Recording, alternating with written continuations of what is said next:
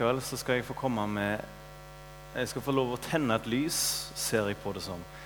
Det jeg skal få være med å gi til dere nå, eh, overbringe, det ser jeg på som å tenne et lys i mørket. For I dag så skal jeg snakke litt om når, eh, når livet ikke alltid er så lett. Det sier heldigvis Guds ord en del om. Og det skal vi se litt mer på nå. Men jeg vil bare be litt før jeg går, før jeg går videre. Jesus, takk at uh, vi får samles her i salen. Takk for alle som kom her til.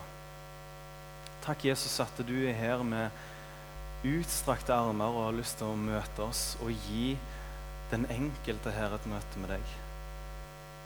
Jesus, må du gjøre hjertene våre varme. Må du gjøre hjertene våre fokusert på deg, Herre, og alt det du har lyst til å gi til oss. Tusen takk, Jesus, at du er raus. Og du har ikke lyst til å holde tilbake noe, men du har lyst til å gi oss gaver. Du har lyst til å gi oss tilgivelse. Du har lyst til å gi oss et nytt liv. Du har lyst til å gi oss fred og alt mulig godt. Jesus, må du gi meg visdom når jeg skal berøre et uh, litt ømt tema. At ting ikke alltid er så kjekt her på jord, men livet kan faktisk være vondt. Hjelp den enkelte her nå. Eh, du ser at vi kan ha alle våre ting i vår bagasje, og hjelp oss til å komme nærmere deg og ha tillit til deg at du kan hjelpe oss. Amen. Um, sånn som han mannen der jeg står nå, sånn har jeg følt meg et par ganger i livet. Jeg syns ting er mørkt rundt meg. Syns ikke, jeg ser ikke håpet. Jeg syns ting er vanskelig, og jeg syns jeg er aleine. Og Hvorfor er det blitt sånn at vi av og til har det sånn? Hvorfor er det blitt sånn at jeg har hatt, opplevd det en, en del ganger? Jeg skal se litt på hvordan alt begynte. Vi kan få neste slide, så ser vi hvorfor det er en tilstand i dag. Hvorfor kan det skje vonde ting?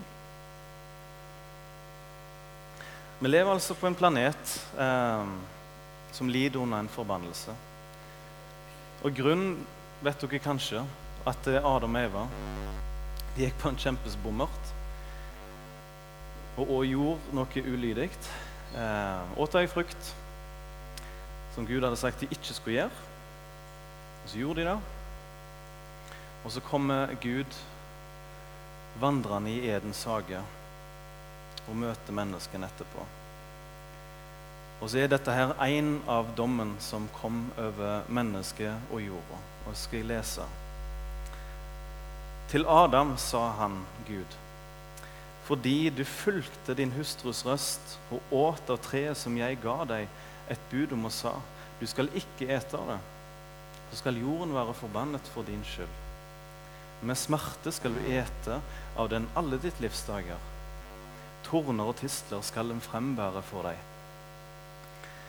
Adam han hadde aldri tråkt på en tistel hele sitt liv. Det har kanskje du gjort. Men det kom altså en tilstand der Adam ikke lenger kunne sprade rundt omkring naken i Edens hage og kose seg. Men faktum var at det kom en ny verden, en ødelagt verden. Og han kunne av og til oh, trø på en tistel, rett og slett. Den hadde han aldri opplevd før. Jorda var blitt forbanna på grunn av det de gjorde. Jeg har um, Jeg har opplevd å trø på noen tistler sjøl. F.eks. nå i, um, i, desember så mista meg og kona et, uh, et barn, et foster. Det var en sånn uh, missed abortion. Og utrolig tungt for oss. Veldig vanskelig. Um, og vi lurer jo på med en gang hvorfor skjedde dette her, og, og så videre. Og Jeg gikk til Bibelen og lurte litt, og så fant jeg fort ut at jeg lever jo i en verden der dette er en realitet. Jeg lever i en verden der det er fullt av tornebusker og vonde ting. Jeg lever i en ødelagt verden. Og da kan ting gå galt av og til. Mer vet jeg ikke. Jeg vet ikke mer enn det. En dag så vil jeg få mer svar. Det må jeg vente til til jeg kommer til himmelen. Men sånn er jorda blitt. Vi trør alle på tistler. Det er bare blitt sånn. En fallen verden. Vi kan se på, på neste bilde. Det var flere ting som gikk galt. Ikke nok med at vi kan trø på tistler, ikke nok med at ting, at det sykdom er kommet inn i verden, naturen er i, i ubalanse, så har til og med hjertet vårt skjedd noe med. Når synd kom inn i, i verden, eh, så ble mennesket forderva òg. Vi sårer hverandre. Og Her ser dere de to første brødrene, Kain og Abel. Og Så fikk de beskjed, eller de, de skulle ofre til Gud. Og den ene minstebroren Abel han, eh, han ofra det beste han hadde. Ofra et, eh, et, lam. Mens Kain, som var bonde, og Abel han var en sauegjeter, og han andre var en vanlig bonde eh, Kain han ofra bare noe han fant, står det. Han fant noe fra marken, og så ofra han det. Men Gud så til behag til Abel fordi Abel han ofra med han gjorde det med glede, han gjorde det for å tilbe, mens Kain gjorde det bare av en sånn Ja, ja, jeg får ofre, jeg òg. Og så ble Kain misunnelig på Abel. Så endte det faktisk med, selv om Gud advarte Kain og sa at vær forsiktig nå, så ikke synden eh, får utløp i livet ditt. Men Kain ble så misunnelig på sin lillebror Abel at han drepte sin yngre bror. Og Sånn er det dessverre den dag i dag, at vi har fått den arvesynden med oss. Vi kan såre hverandre. Vi er i stand til å gjøre opprør mot Gud og såre hverandre. Bare se på TV 2, nyhetene eller noe, så ser vi at dette her er realistisk. Det er sant. Vi sier ofte det at mennesket er god på bånd. Og så kan vi kalle, hvis vi sammenligner mennesket med en åker og så er det mange, kanskje i alle fall humanistene, prøver å tenke at det må nå være noe godt med mennesket. At vi er, når alt kommer til alt, gode. Og Hvis det er noen her som har vært med å, å rense en åker, kanskje det er en eh, jærbonde som sitter her, som vet akkurat hva jeg snakker om. Um, men jeg, jeg, har en liten åker, eller familien min har en liten åker hjemme òg. Ikke så veldig stor, men jeg har vært med og tatt hva det heter, stein, sanka stein. Så er det sånn, jeg og du vi kan gjøre eh, sånn som en bonde gjør med stein. Vi kan ta vekk baktalelse av og til, vi kan ta vekk løgn, vi kan slutte å stjele. Vi kan, vi kan gjøre mange forandringer i vårt liv. Men jo mer du graver i ditt liv og skal prøve å forandre deg sjøl, så vil det skje jo lenger du graver ned, så finner du en ny stein. Så finner du enda en stein til. Og når du graver lenge nok, så kommer du til grunnfjellet. Vi er helt håpløse og prøve å forandre vår natur i forhold til hvordan skaden er blitt. Det er kun Jesus Kristus som kan gjøre noe, gjøre en forvandling med oss, gi oss noe helt nytt. Selv om vi resten av livet må slite med konsekvensen. Vi blir aldri helt kvitt det før vi kommer til himmelen. Så var det bare et bilde på hvordan vi kan prøve å ordne oss sjøl. Men synden ligger i oss som et grunnfjell dessverre. Vi kan se på det neste bildet. Ikke nok med at jorda er forbanna, og at jeg og du kan såre Gud og hverandre, eller såre Gud. Vi kan gjøre Gud bred. Med å gjøre opprør. Og ikke nok med alle disse tingene her. Så har vi òg en fiende som prøver å lure oss. På toppen av det hele var det ikke nok nå, da. Helt til å begynne med Helt til å begynne med i, i begynnelsen så var det én djevelen, motstanderen, Satan, som hadde lyst til å bli utrolig stor. Han hadde lyst til å få tilbedelse. Han hadde lyst til å bli som Gud. Og Så lokka han med seg en tredjedel av englene og skulle lage et kupp i himmelen. Djevelen hadde glemt at han var skapt en skapning av Gud og hadde egentlig ingen makt på den måten. Og djevelen med en tredjedel av englene ble kasta ut av himmelen og ned på jorda. Og Gud tillater at djevelen kan gå rundt på jorda og gjøre skade i en viss grad. Det står i Bibelen at hadde ikke Gud holdt tilbake djevelen, så hadde det vært enda verre enn det nå. Og så står det at i de siste tider skal Gud slippe bitte litt mer taket. Så dessverre så får vi ikke bedre tider i møte. Tvert imot så kan vi bare vente oss større vanskeligheter. Men her ser dere, jeg kan lese de bibelversene der. Ta på dere Guds fulle rustning, så dere kan være i stand til å stå imot djevelens listige angrep. For vår kamp er ikke mot kjøtt og blod, men mot maktene, mot myndighetene, mot verdensherskerne i denne tidsalders mørke. Mot åndskapens åndelige hærskarer i den himmelrommet. Men nå gleder jeg meg til å tenne et lys. Nå gleder jeg meg til å få få gi håpet til oss. Nå kan vi ta neste bilde. Moses han var en mann som var født og oppvokst i Egypt. Oppvokst i faraos slott. Han var en hebreer, men ble oppdratt som en egypter. Når han var 40 år, så trodde han at han var redningsmannen til israelsfolket som var slaver i Egypt. En haug med de som var blitt slaver. Moses ville gjøre det på sin måte og redde sine egne. Han gikk ut en gang og så to som slåss. En egypter og en israelitt. Og så drepte han egypteren. Og Så gikk det en dag og to, så ble han oppdaga. Så måtte han flykte fra Egypt og til et annet land som heter Midian. Og der var han i 40 år. Og hadde det på samvittigheten at han feila totalt han hadde til og med på samvittigheten at han drepte en person for ingenting, for ingen nytte. Og Nå er han vekk ifra familien sin, vekk ifra alle de gamle kjente, i et annet land. Jeg tror at Moses kunne skrive under på det at livet kan gjøre vondt. En dag når Moses er ute og gjeter på noen av dyrene som han hadde i det, landet som han var i,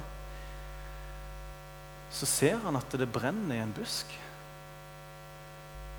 Og Så blir han veldig oppmerksom på dette her. Og så går han bort. Og når Gud ser at Moses kommer bort, så står dette her. Da Herren så at han, Moses, gikk bort for å se, kalte Gud på ham midt ut fra tornebusken og sa, 'Moses, Moses.' Og han sa, 'Her er jeg'. Og Så tenker jeg så fantastisk med at Gud kommer i nettopp en tornebusk. Midt, som jeg har skrevet, Gud steg inn i menneskets vanskelige verden. Torner og tistler er selve symbolet på vår nåværende situasjon. Midt i vanskelighetene så stiger Gud ned til Moses og kaller på ham. Og så er jeg så glad for at Jesus han kunne være i himmelen i sin herlighet. Men det ga han avkall på. Han ga avkall på sin guddommelighet på den måten og gikk ned til jord og tok på seg menneskers skikkelse og begynte å tjene oss der vi var. I vår skrøpelighet, i våre problemer, så kom Jesus. Og så står det at Herren er i dag og i går og til all evighet den samme. Så har Jesus lyst til å komme og møte deg midt i din situasjon, midt i det som du syns er vanskelig eventuelt. Jeg syns det er flott at Gud kom på den måten der. En av de første gangene han steg ned på jorda og skulle hjelpe menneskene. Og så kaller han på deg. Og så prøver han å søke din oppmerksomhet. Ditt fokus. Og så ønsker han at du skal høre at han vil hjelpe deg. Jeg ønsker at du skal høre hans ord til deg. Vi kan gå på neste, neste bilde.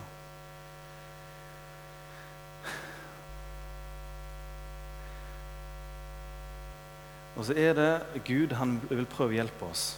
Og så er det sånn at Gud vil ofte at vi skal hjelpe hverandre. Men så går vi Du kjenner deg kanskje igjen dette her. Vi spør hverandre ja, 'Hvordan går det med deg?'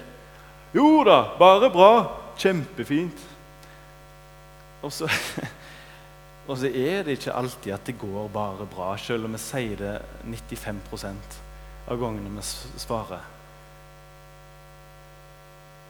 Men så er det noe i oss som gjør at vi, litt, vi har en fasade, vi er litt redde, utrygge. Hvem vil ta imot meg og mine ting, da? Og så er alt bare bra. Vi skal få se en historie eh, fra Bibelen om en person som sa alt er bare bra. Den står i andre kongebok 4.8-37. Det var en, en rik dame som ikke kunne få barn. Hun møtte en gudsmann som het Elisha, og Elisha ba for hun, og hun ble med barn. Elisha velsigna hun, og hun ble med barn.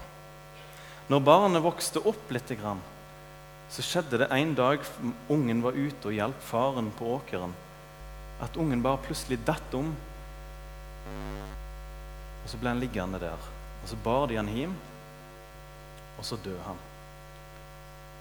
Og så kommer hun kona, hun mora. Hun blir jo så klart kjempelei seg. Og så springer hun av gårde mot han gudsmannen Elisha. Men det som skjer er at mens hun er på vei mot Elisha, så sender Elisha en, en disippel av han som heter Gehazi. Så jeg går og snakker med hun. Og hun, kona kommer bort, hun mora, og, og så spør Gehazi har du fred Altså, går det bra med deg? Har mannen det bra? Har gutten det bra? Har han fred? Og så sier hun Fred. Ja da, det går bra. Og så griner hun og skriker og har det kjempevondt inni seg. Men hun vågde ikke å slippe maska og fasaden. Og Heldigvis så stopper hun ikke der, men hun søker videre. Og Så kommer hun til Elisha, og da detter hun, knekker sammen og faller før føttene. Og helt ifra seg. Men da hun kom fram til Guds mann på høyden, omfavnet hun føttene hans. Og så ser jeg for meg den eh, Har du sett en, en, en, gutt, en liten guttunge eller jentunge som detter og slår seg?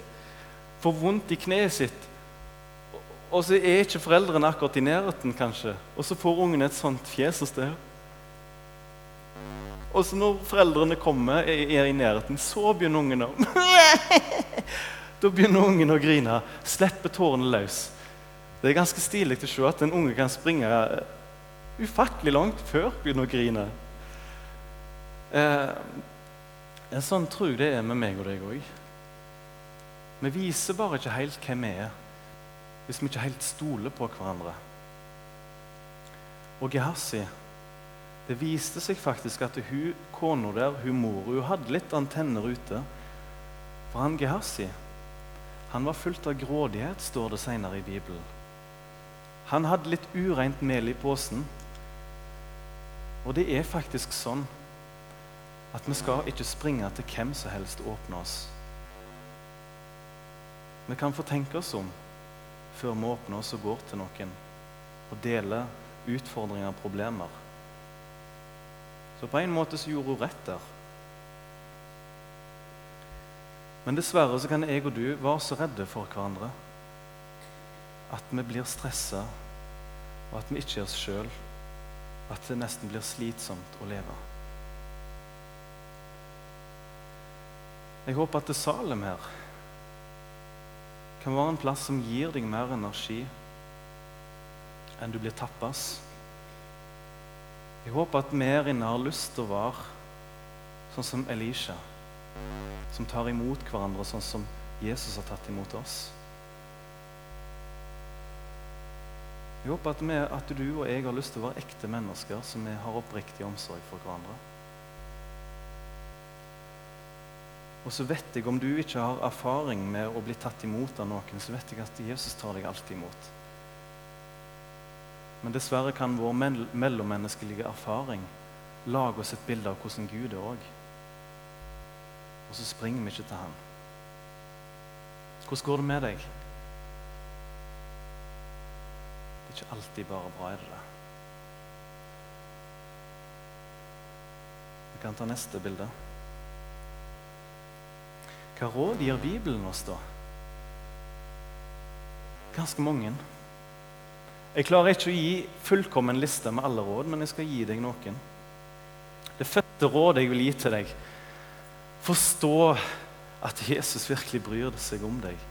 Og det beviste han når han døde på korset for deg. Og så står det et bibelvers, og disse bibelversene kan du godt skrive ned. De er utrolig bra, syns jeg i alle fall. Hør på dette verset her. Han som ikke sparte sin egen sønn, men ga ham for oss alle. Hvordan skal han kunne annet enn å gi oss alle ting med ham? Gud har allerede gitt oss det aller beste. Han har gitt oss det dyrebare, mest beste han kan gi til oss, og det er Jesus. Sin egen sønn lot han bli ofra for meg og deg. Hvordan kan han ikke gi oss da alle ting? Han har ikke spart på det beste. Et eksempel bare sånn ut i det blå. La oss si at du bor i et hus, og naboen din er en far og en sønn som bor der. Og Så viser det seg at du har et hjerteproblem. Hvis ikke du får et annet hjerte i løpet av en måned, så dør du. Han mannen, faren i nabohuset, får greie på det. At du er dødssyk. Og så går han og dinger på til deg og sier at 'jeg skal hjelpe deg'. Meg og min sønn har blitt enige om at min sønn skal ofre seg for deg og gi hjertet til deg. Du skal få lov å leve, men jeg skal la han få dø. Min egen sønn. Og faren får overbevist denne her dødssyke til slutt. Og byttet skjer. Grace Anatomy og alt det der foregår. Hun bytter hjerte. Eh, og så får du leve videre. Denne personen fikk leve videre. Og faren igjen.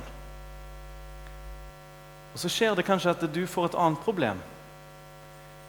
Du har gått tom for penger og har ikke nok mat denne uka. Skulle du være usikker på om du kan dinge bort på naboen, som har ofra sin sønn for deg, og lurer på kan du hjelpe meg, jeg trenger 500 kroner til litt mat denne uka. Og så er, tok du det bildet at jeg og du som kristne kan av og til tvile på Gud, vår far, at han vil forsørge oss. At han er glad i oss, at han bryr seg om oss. Hvordan kan Gud, når han ikke sparte sin egen sønn, ikke la være å bry seg om meg og deg? Jeg syns det er et fint bilde, egentlig, selv om det var groteskt. Akkurat det eksempelet med hjertet og alt det der. Men tenk litt på det.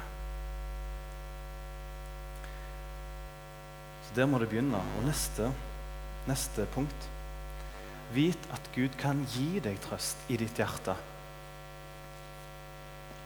Det står Han som trøstet oss i all vår trengsel så vi kan være i stand til å trøste dem som er i all slags trengsel, med den trøst vi selv blir trøstet med av Gud.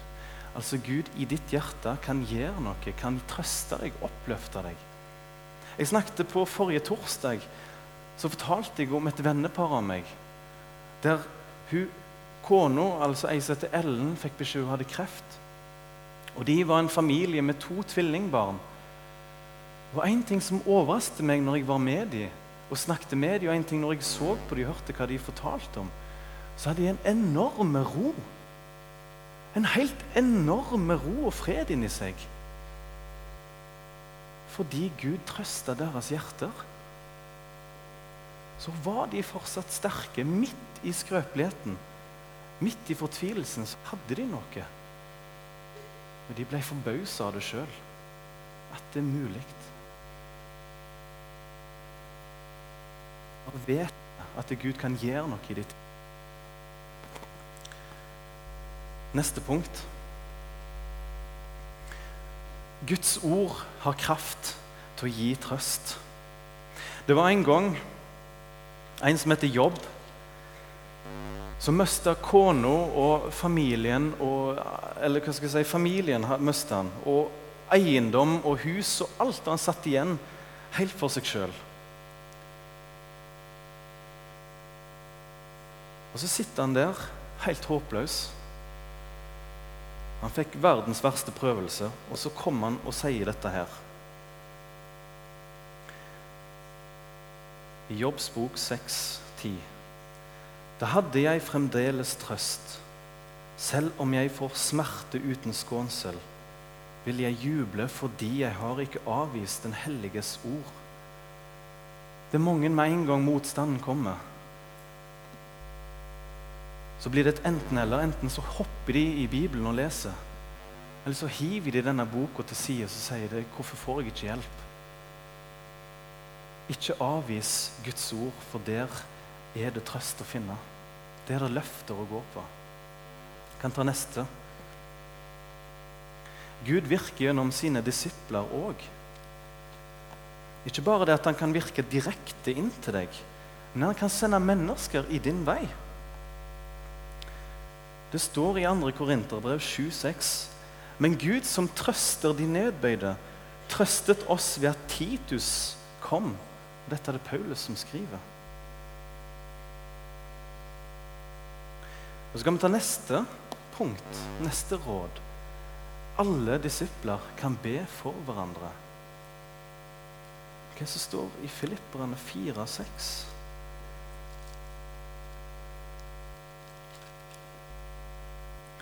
Vær ikke bekymret for noe, men la i alle ting deres bønneemner komme fram for Gud i påkallelse med takksigelse. Og Guds fred, som overgår all forstand, skal bevare deres hjerter og deres tanker i Kristus Jesus. Det er så synd at, at mange kristne forteller at det er vanskelig å be. Jeg sliter med å be høyt i lag med andre. Og så er det en sånn fantastisk gave som jeg og du har fått, og så våger vi ikke å bruke den. Jeg har en veldig god kompis av meg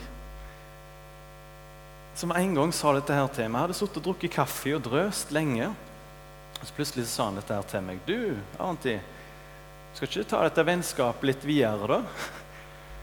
Og jeg tenker liksom at det, det har jeg aldri hørt en gutt si til meg før. Er, og så sa han rett etterpå vi, vi må be litt. Be sammen. Og vet du hva? Hver gang jeg treffer på han kompisen her, så ber vi i lag. Og jeg syns det er helt herlig. Og jeg syns det skal være en selvfølge at kristne skal kunne be i lag. Hjelp hverandre til å be, oppmuntre hverandre til å be. Vi går glipp av en så stor skatt. Og husk, husk én ting. Det er bare følelser som hindrer deg ifra å be. Ja, vet du hva? Første gang du begynner å be, så kan det være du stumler og eh, babler og Gud, eller hva var det Å nei. Vet du hva? Ikke bry deg om det, om du er litt shaky-bakey. Det er alle. Ikke bry deg om det. Ikke la en følelse hindre deg ifra en så stor rikdom. Så bare gå inn i det. Just do it. um. Og så er det faktisk noen disipler Vi tar neste. Noen som har fått en nådegave til å trøste. Det er noen kristne på, som på en spesiell måte har fått en evne, en egenskap, til å, å gi trøst. Hva som står om det? Vi har da ulike gaver Altså den som formaner eller oppmuntrer, må ta vare på formaningen. Den som gir, må gi med gavmildhet. Den som har lederansvar, må lede med iver. Den som viser miskunn, må gjøre det med glede. Og noen iblant oss har en spesiell gave. Jeg syns det er herlig å ha min mentor som Gunnar Elstad, som har litt erfaring, har en gave på dette området.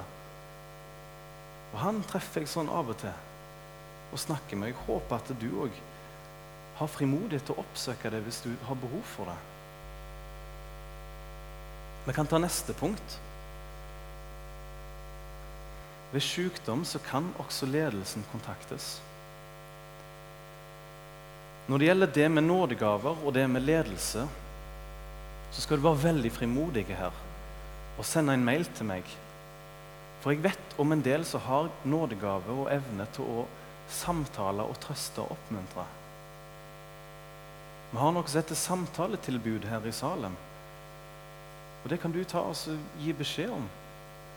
Så kan du få en liten prat, og det anbefaler jeg deg. Og Dessuten òg i forhold til sykdom så er det noe som meg og de andre ansatte prioriterer kjempehøyt. Vi kommer hjem om nødvendig og ber og salver. Og Det står i Jakob 1,14.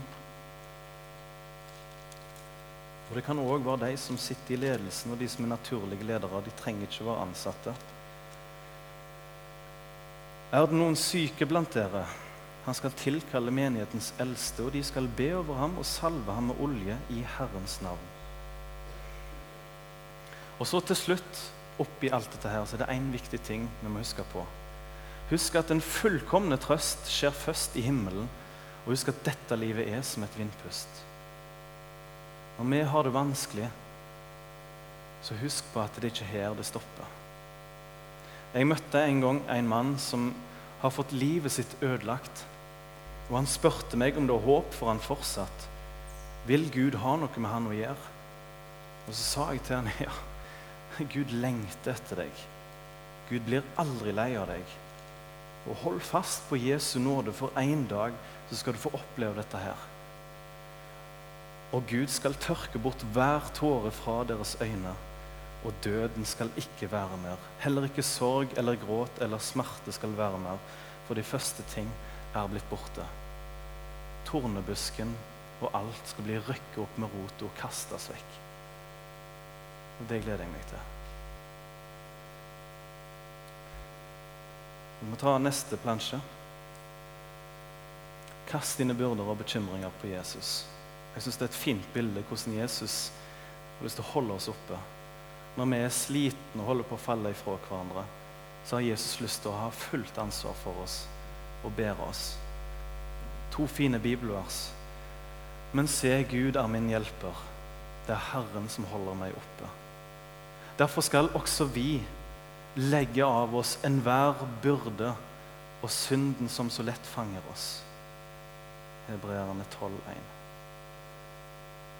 Jeg håper du virkelig våger å stole på Jesus. Jeg håper at Hvis du trenger det, så håper jeg at du vil våge å være deg sjøl her i Salem. At du finne ut at det er et fellesskap som du kan få hjelpe oss, få styrke oss, få støtte oss. For det er nettopp det Salem skal være. En plass der vi oppmuntrer hverandre, støtter hverandre, heier på hverandre. Og Du er velkommen til å være med på det og gi av deg sjøl og dine evner i fellesskapet. Så skal vi be til Jesus, og så håper jeg at du òg vil bare legge Åpne hjertet ditt for han, at han kan trøste deg hvis du trenger det her i, i kveld. Kjære Jesus, takk at, eh, takk at du kjenner oss. Takk at vi skal få lov til å komme til deg. Takk at vi skal bli møtt av deg, Jesus, og få kjenne at du tar imot oss og bryr deg om oss. Jesus, jeg ber om at vi som er her inne, må få lov å slippe maskene. Må få lov å slippe på å gå rundt omkring og late som. Jeg ber om at vi må få lov å komme til deg, Jesus, og få kjenne at du overtar. Kjenne at du når inn til hjertene våre. Hjelp oss, Jesus, å være gode mot hverandre. Hjelp oss å ta imot hverandre og ta oss av hverandre, sånn som du har tatt, oss, tatt seg av oss, Herre. Og så ser du alle som har bedt flere ganger og lurer på er det bønnesvar, er det hjelp å få. Og Nå kommer vi igjen til deg, Jesus, og ber om hjelp. Ber en gang til at du må hjelpe oss og holde oss oppe. Takk at du er mektig til å gi det vi trenger. Takk at du er rik nok for oss alle. Takk for Salem, at vi fikk komme her i kveld og få få se at et lys ble tent midt i en vanskelig verden. Og hjelp oss å tenne dette lyset for andre òg, at vi kan gå ut og tenne dette lyset, at det er håp. At vi har en Gud som vil møte oss midt i det vanskelige, midt i vår hverdag, midt i vår livssituasjon. Takk at vi skal få lov å tenne vårt lys, og at vi skal få lov å skinne for deg, Herre. Og få oppleve å spre evangeliet, få oppleve å hjelpe hverandre. Være et vitne om deg, Jesus. Amen.